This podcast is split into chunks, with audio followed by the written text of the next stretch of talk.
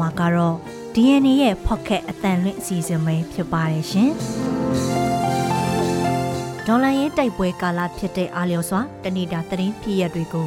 ຫນွေဦးဒေါ်လာရေးသတင်းတွေကပဲဖုံလွှမ်းထားတာပါ။ຫນွေဦးဒေါ်လာရေးထဲကလာတဲ့စစ်ရေးနိုင်ငံရေးသတင်းတွေအပြင်တနေ့တာသတင်းဖြစ်ရတွေတဲ့ထူးခြားထင်ရှားတဲ့လူမှုဘဝစီးပွားရေးသတင်းတွေလည်းရှိနေတတ်ပါတယ်။ယမန်နေ့မတ်လ30ရက်နေ့ တနေ့တာသတင်းဖြစ်ရတွေတဲ့ကထူးခြားထင်ရှားတဲ့သတင်းဖြစ်ရတွေကို DNA ကစူးစီးဖော်ပြပေးလိုက်ပါတယ်။ဒီအစီအစဉ်ကိုတော့ကျွန်မအနန်းခမ်းနဲ့အတူကျွန်တော်မောင်သိန်းကစူးစီးတင်ဆက်ပေးသွားမှာပါ။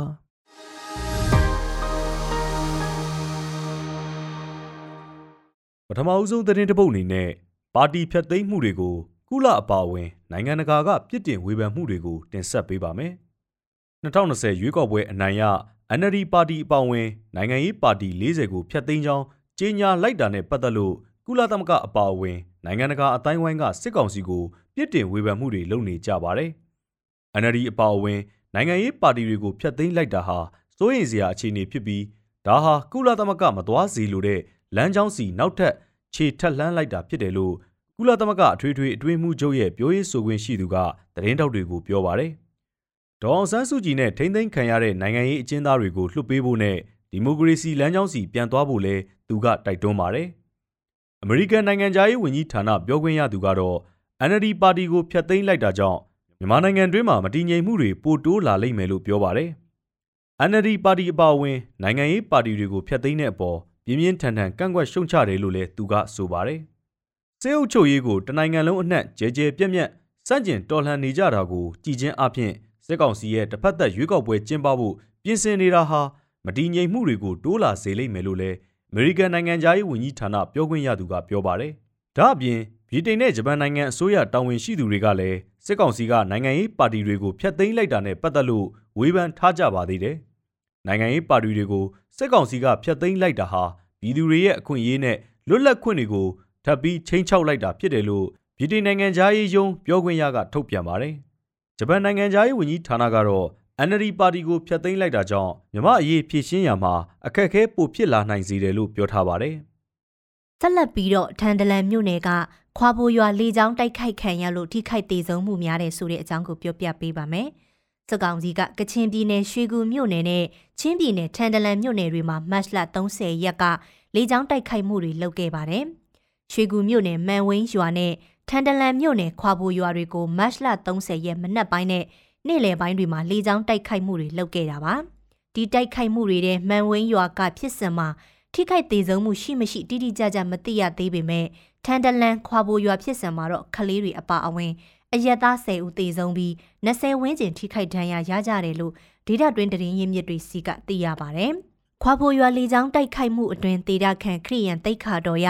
ဆရာတော်တပားရဲ့သမီးနှစ်ဦးပါဝင်တယ်လို့ အမျိုးသမီးနဲ့ခလေးတချို့လည်းပါဝင်တယ်လို့ဒေတာတွင်သတင်းရင်းမြစ်တွေကပြောပါတယ်။သတင်းရေးသားချိန်အထိတော့ထိခိုက်သေးဆုံးမှုအခြေအနေအသေးစိတ်ကိုမသိရသေးပါဘူး။ဒါအပြင်တိုက်ခိုက်ခံရမှုကြောင့်ကြီးရွာကနေအိမ်တွေလည်းမိလောင်ပျက်စီးခဲ့တယ်လို့သိရပါတယ်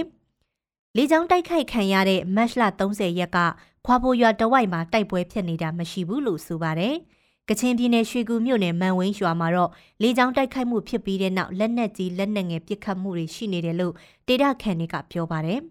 ။နောက်ထပ်သတင်းတစ်ပုဒ်အနေနဲ့ပသိမ်ခရိုင်မှာတောစင်ရိုင်းတွေတပတ်တကောင်နှုံးနဲ့အသက်ခံနေရတဲ့သတင်းကိုပြောပြပေးပါမယ်။ AR တိုင်းပသိမ်ခရိုင်ထဲကတစ်တော်တွေထဲကျင်းလဲကျက်စားတဲ့တောစင်ရိုင်းတွေပြီးခဲ့တဲ့ဖေဖော်ဝါရီလတတိယပတ်ကနေအခုလအထိတလကျော်တွင်တပတ်တကောင်နှုံးနဲ့တပ်ဖြတ်ခံနေရတယ်လို့ တစ်တော်ဦးစီးဌာနနဲ့နှီးဆက်သူတွေစီကသိရပါဗျ။ပြီးခဲ့တဲ့ဖေဖော်ဝါရီလ18ရက်ကစလို့မတ်လ23ရက်အထိသတင်းပတ်9ခုကျော်အတွင်းတောစင်ရိုင်း9ကောင်အသက်ခံခဲ့ရပါတယ်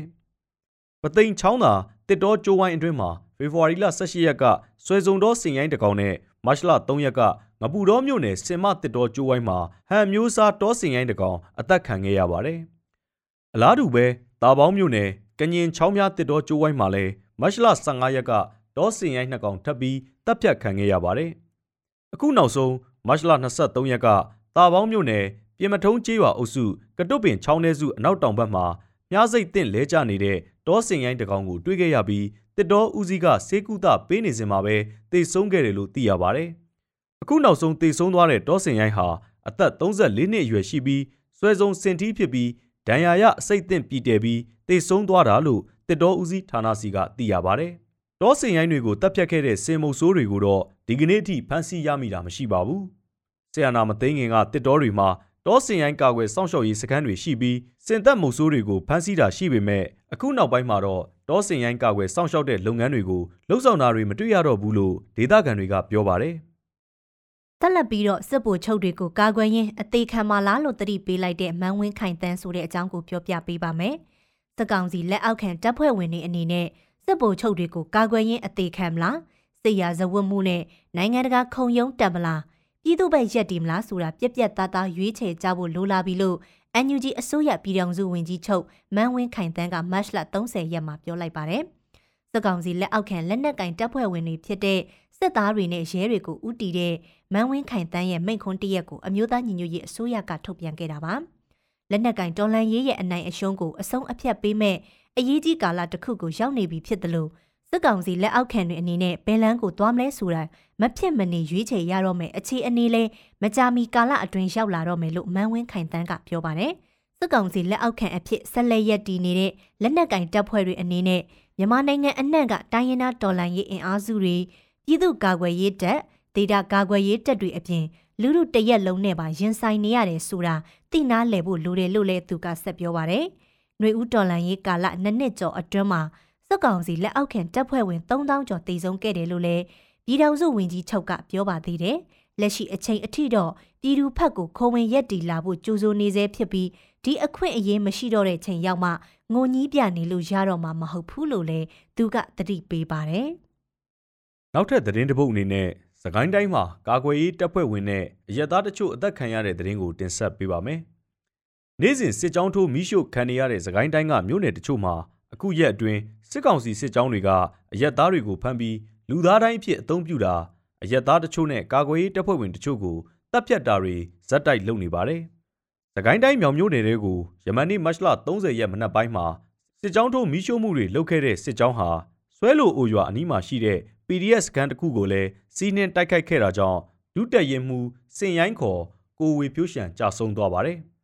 စစ်ကောင်စီတပ်သားတွေကကိုဝေဖြိုးရှံရဲ့ရုပ်အလောင်းကနေဦးကောင်းကိုခုတ်ဖြတ်တက်ယူသွားကြတယ်လို့လည်းသိရပါတယ်။ဒါအပြင်နောက်ထပ်ဒေသခံ3ဦးကိုလည်းစစ်ကောင်စီစစ်ကြောင်းကဖမ်းဆီးသွားတယ်လို့ဆိုပါတယ်။ PDF ဒုတက်ရင်မှုရဲ့ဦးကောင်းကိုခုတ်ဖြတ်သွားတဲ့စစ်ကြောင်းဟာတာတိုင်ရွာလက်ကပင်ရွာအစုလိုက်ပြုံလိုက်တပ်ဖြတ်မှုတွေနဲ့လူသိများတဲ့ဘလူးစစ်ကြောင်းဖြစ်တယ်လို့ဒေတာရင်းတော်လှန်ရေးတပ်ဖွဲ့တွေကပြောကြပါတယ်။စကိုင်းတိုင်းအလဲပိုင်းကမ်ဘလူခရိုင်ကိုးတောင်ဖို့တိုက်နေတဲ့ကအလဲခုံရွာမှာလဲစစ်ကောင်စီက ဒေသခံလူငယ်အမျိုးသားတဦးကိုအနီးကပ်ပြစ်ခတ်တပ်ဖြတ်ခဲ့ပြီးအသက်73နှစ်အရွယ်ကလေးတဦးကိုဖမ်းဆီးသွားတယ်လို့ကျွန်းလှတက်ကြွလှုပ်ရှားသူအဖွဲ့ကပြောပါတယ်။ဒေသရင်းကိုစစ်ကြောင်းလှုပ်ရှားလာတဲ့စစ်ကောင်စီတပ်ဟာစစ်ဆောင်တဲတိုက်တွေမှာတိန့်ရှောင်နေထိုင်နေရတဲ့အသက်22နှစ်အရွယ်အမျိုးသားကိုယမန်နေ့မတ်လ30ရက်မနက်ပိုင်းကဖမ်းမိပြီးတဲ့နောက်အနီးကပ်ပြစ်ခတ်ခဲ့တာကြောင့်ခေါင်းတချမ်းပွင့်ထက်ဒဏ်ရာတွေနဲ့တိတ်ဆုံးခဲ့တာလို့သိရပါတယ်။အဲ့ဒီစစ်ကြောင်းကဖမ်းဆီးခေါ်ဆောင်သွားတဲ့73နှစ်အရွယ်ကလေးရဲ့အခြေအနေကိုတော့မသိရသေးပါဘူး။စ ကိုင်းတိုင်းအထက်ပိုင်းထီးချိုင်မြို့နယ်အတွင်းမှာလည်း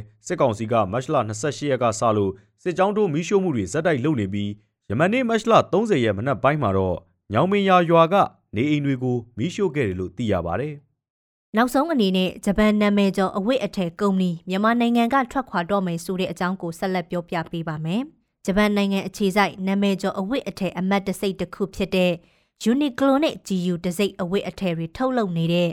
Fast Retailing ကုမ္ပဏီဟာမြန်မာနိုင်ငံကထွက်ခွာတော့မှာဖြစ်တယ်လို့ဂျပန်သတင်းဌာနက Nikkei Asia ရဲ့သတင်းတရက်မှာဖော်ပြပါတယ်။ Fast Retailing ကုမ္ပဏီဟာသူတို့လုပ်ငန်းရဲ့အဝတ်အထည်ချုပ်လုပ်ရေးမိဖက်စရင်ထဲကနေမြန်မာနိုင်ငံကိုဖယ်ရှားလိုက်ပြီလို့သတင်းကဆိုပါတယ်။အခုနှစ်ဆောင်းဦးကာလမှာမြန်မာနိုင်ငံနဲ့ဆက်နွယ်မှုအလုံးရပ်နာတော့မှာဖြစ်တယ်လို့ Fast Retailing ကုမ္ပဏီဘက်ကပြောပါတယ်။ Fast Retailing ဟာတရုတ်နဲ့ဗီယက်နမ်အပါအဝင် ကဘာတလွမ်းမှာကုံထုံလုံးမှုမိဖက်အဖွဲ့အစည်း430ကျော်နဲ့လက်တွဲလှုပ်ဆောင်နေတယ်လို့သိရပါဗျ။2021ခုနှစ်စစ်အာဏာသိမ်းမှုနောက်ဆက်တွဲပြည်တွင်းပြည်ပခါတွေနဲ့နိုင်ငံတကာပိတ်ဆို့အရေးယူမှုတွေကြောင့်နာမည်ကြီးပြည်ပလုပ်ငန်းစုတွေဆက်တိုက်ပြန်လည်ထွက်ခွာနေကြတာပါ။ကနဦးထွက်ခွာမှုတွေထဲမှာနိုင်ငံခြားအဝိအထည်လုပ်ငန်းတွေမပါပေမဲ့ကာလရှည်ကြာလာတာနဲ့အမျှလျှက်စစ်မီးမန်မှန်မရတာနဲ့အခြားအခက်အခဲတွေပိုတိုးလာတာကြောင့်အဝိအထည်လုပ်ငန်းတွေဟာလည်း ပိတ်သိမ်းတဲ့အထဲပါဝင်လာပါတယ်။နောက်ထပ်ဂျပန်လုပ်ငန်းတစ်ခုဖြစ်တဲ့မူကြီးအိမ်သုံးပစ္စည်းစတိုးဆိုင်ရဲ့လုပ်ငန်းရှင်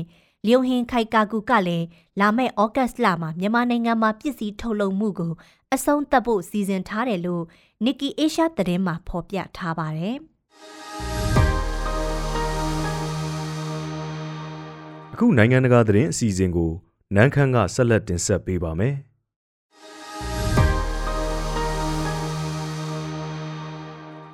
ပြည်ထောင်နိုင်ငံလန်ဒန်မြို့တော်ကတိန်းစ်မြစ်ထဲမှာပလတ်စတစ်စွန့်ပစ်အမိုက်တွေကိုလိုက်လံသိမ်းဆည်းဖို့ drone အသေးစားလေးတစ်ခုကိုလက်တွေ့အသုံးပြုထားရမှာရလက်ကောင်းတွေပိုင်ဆိုင်နေကြောင်းသိရပါတယ်။အမိုက်ငမန်း Wish Shark လို့နာမည်ပေးထားတဲ့ drone စက်ရုပ်လေးဟာလျှက်စစ်ဘက်ထရီစွမ်းအင်နဲ့အလုပ်လုပ်တာဖြစ်ပြီးတနစ်ကိုပလတ်စတစ်ဘူးပေါင်း22,900ကျော်နဲ့ညီမျှတဲ့စွန့်ပစ်အမိုက်တွေကိုမြည်ရည်ထဲကနေလိုက်လံသိမ်းဆည်းပေးနိုင်တယ်လို့တီထွင်သူတွေကပြောပါတယ်။ လေးတောင်ဆန်ဆန်ဒီဇိုင်းမျိုးနဲ့တိစောက်ထားပြီးငမန်းတကောင်ပစက်ဟတယ်လို့အပေါက်ကနေအမိုက်တွေကိုလိုက်လံစစ်ယူစုဆောင်လေးရှိတဲ့ drone လေးဟာတစ်ကြိမ်အားသွင်းပြီးရင်မြစ်ရည်ထဲမှာ9ကီလိုမီတာလောက်မရက်မနာကုတ်ခတ်သွားလာနေနိုင်ပါတယ်။ပြီးတော့တီးတန့်ထိန်းချုပ်စီရမလိုပဲအလိုအလျောက်မောင်းနေတဲ့စနစ်နဲ့ပလတ်စတစ်ကီလိုဂရမ်900လောက်ကိုလိုက်လံစုဆောင်ယူပေးမှာပါ။ဝေးရှက်ကိုအမိုက်တွေပလတ်စတစ်တွေအစအနတွေနဲ့ဇီဝစွန့်ပစ်ပစ္စည်းတွေ စုဆောင်ကောက်ယူပေးမဲ့ရေပေါ်သွား drone တစ်ခုအပြည့်တိစောက်ထားတာလို့ Ramarin ကုမ္ပဏီရဲ့အမှုဆောင်ချုပ် Richard Hardimans ကဆိုပါတယ်။အဲ့ဒီကုမ္ပဏီကထုတ်လုပ်တဲ့ drone လေးတွေကို Thames မြစ်အပြင်ပြည်ထောင်နိုင်ငံပိုင်နက်ထဲကတချို့ရေပြင်တွေမှာလက်တွေ့အသုံးပြုနေပါတယ်။ Wave Shark ဟာကာဗွန်ဓာတ်ငွေထုတ်လွှတ်မှုဆူညံမှုနဲ့အလင်းညဉ့်ညံမှုတွေလုံးဝမရှိဘဲအလုတ်လုံနိုင်တယ်လို့ရေနေတက်ရှိတွေကိုအန်ဒီယလုံးဝမဖြစ်အောင်တိစောက်ထားတယ်လို့လည်း Hardimans ကရှင်းပြပါတယ်။ drone တွေကစုဆောင်ယူထားတဲ့ plastic အမိုက်တွေကိုပြန်လည်တန့်စင်အသုံးပြုနိုင်အောင်ရေစစ်ပေးတာမျိုးထိဆောင်ရွက်နိုင်ပါတယ်။ Wave Shark မှာပါရှင်နှစ်ခုရှိပြီးတစ်မျိုးကအဝေးထိန်းစနစ်နဲ့ခိုင်းစေရတာနောက်တစ်ခုကအလိုအလျောက်အလုတ်လုတ်တာဖြစ်ကြောင်းသူတို့ရဲ့အလုတ်လုတ်ပုံကတော့နေအိမ်တွေမှာအလိုအလျောက်အမိုက်လိုက်စုပ်တဲ့ဆက်တွေနဲ့အတော်ကြီးစင်တူကြောင်းလဲဟာဒီမန်ကရှင်းပြပါတယ်။ဝစ်ရှောက်တွေရဲ့ဈေးကတော့မသေးလာပဲတစည်းကိုဒေါ်လာ2000ကျွဲဝန်းကျင်လောက်ကျသင့်နိုင်ကြောင်းလဲသိရပါတယ်။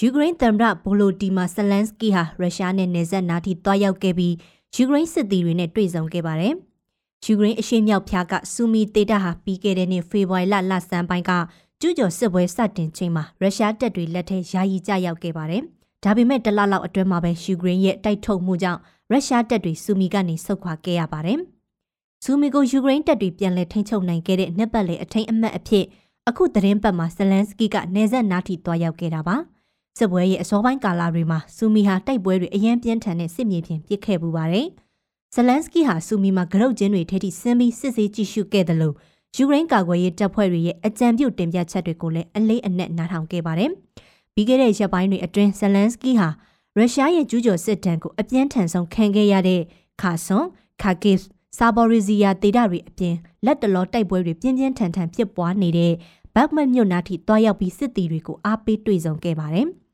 ယူကရိန်းဟာဘက်မတ်မြို့မှာရုရှားရဲ့ထိုးစစ်ကိုတောင့်ခံရင်းတံပြန်ထိုးစစ်ဆင်နွှဲဖို့အစွမ်းကုန်ပြင်ဆင်နေကြောင်းသတင်းတွေကြဲကြဲပြန့်ပြန့်ထွက်ပေါ်နေပေမဲ့ယူကရိန်းစစ်တပ်ကတော့စစ်ရေးအစီအမံတွေနဲ့ပတ်သက်ပြီးမှတ်ချက်ပေးဖို့ညှင်းဆိုထားပါတယ်။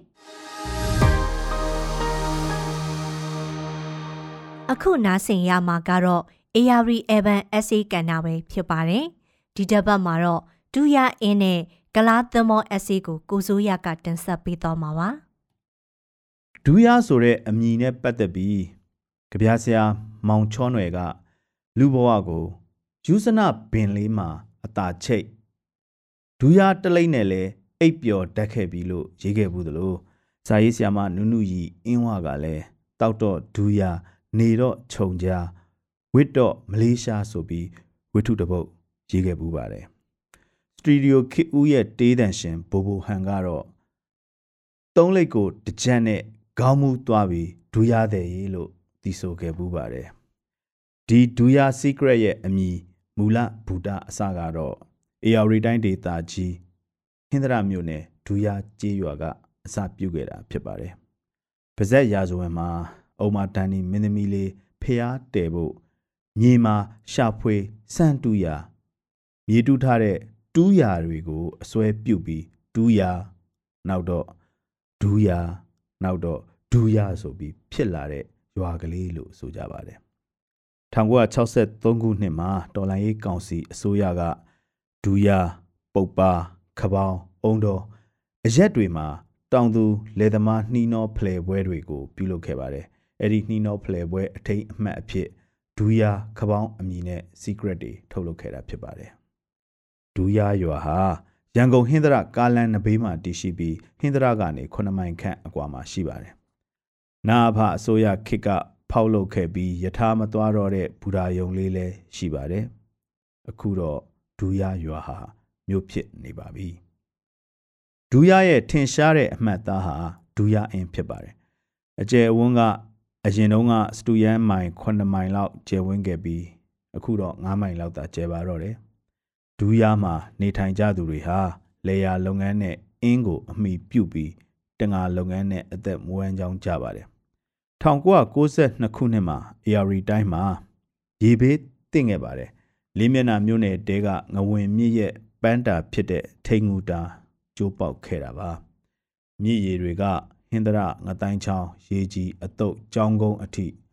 လွှမ်းမိုးရောက်ရှိသွားပြီး လူနေအိမ်နဲ့စိုက်ပျိုးသီးနှံတွေပျက်စီးဆုံးရှုံးခဲ့ရပါတယ်။အဲ့ဒီအချိန်မှာပဲဒူယာအင်းအနီးက AR မြစ်ရဲ့တာဖြစ်တဲ့တရဝတာနာမှာကန်းအကြီးကျယ်ပြိုပါတယ်။ရေကာတာမကျိုးပေါက်ဖို့သက်ဆိုင်ရာကရေလွှဲတန်းတွေရိုက်ပြီးကာကွယ်ရပါတယ်။ AR မြစ်ရေကလည်းတရိပ်ရိပ်တက်လာပြီးစိုးရင်ရေမှတ်ကိုကျော်လွန်လာပါတယ်။ဒူးရရွာကတောင်သူလယ်သမားတွေကလည်းစိုက်ပျိုးသီးနှံတွေရေမြုပ်မှာ စိုးရိမ်နေကြပါတယ်။အဲ့ဒီအချိန်မှာပဲကလာတင်မောပြန်ထွက်တော့မယ်ဆိုတဲ့ကောလာဟာလသတင်းတပုတ်ဒူးရရွာနီးချုပ်ဆက်မှာထွက်လာပါတယ်။ဒူးရအင်းဟာ AR မြစ်ရဲ့မြစ်ကျိုးအင်းလို့လူသိများပါတယ်။ဗဇက်ရာဇဝင်အရဒူးရရွာအနီး AR မြစ်ထဲမှာကလာတင်မောတစည်းနစ်မြုပ်ခဲ့တယ်လို့ဆိုပါတယ်တင်မောပေါ်မှာပါတဲ့ကလားတွေလည်း သိဆုံးခဲ့တယ်ဆိုပါတယ်နစ်မြုပ်သွားတဲ့တင်မောဟာဒူရမြစ်ကျိုးအင်းနဲ့ကြံခဲ့တယ်လို့လည်းဆိုကြပါတယ်ခုလိုရေချောင်းပြောင်းပြီးကမ်းတွေပြိုလာတာဟာဒူရအင်းတွေကကလားတင်မောပြန်ထွက်มาဖြစ်လို့လို့ဆိုကြပြန်ပါတယ်ကောလာဟာလာကဘလောက်ကျယ်ပြန့်လာလဲဆိုရင်ဒူရအင်းထဲမှာညညကလားအော်တန်တွေကြားနေရတဲ့အထိဖြစ်ခဲ့ပါတယ် အခုတော့နှစ်ပေါင်း30လောက်ကြာခဲ့ပြီဖြစ်ပါတယ်တရဝပန်းတာလည်းမကြိုးခဲ့ပါဘူးပါဇက်ရာဇဝင်တဲကကလာတင်မောလည်းပြန်မထွက်နိုင်ခဲ့ပါဘူးဒူယာအင်းကတော့စိမ့်မြကြည်လင်ပြီးတဘာဝပတ်ဝန်းကျင်ကို ထိမ့်သိမ်းထားစေပါရန်ကုန်ကနေဟင်္ဒရသွားရင်ဒူယာအင်းထဲမှာတစ်ခေါက်တစ်ခါဝင်ရောက်အပန်းဖြေနိုင်ကြပါစေ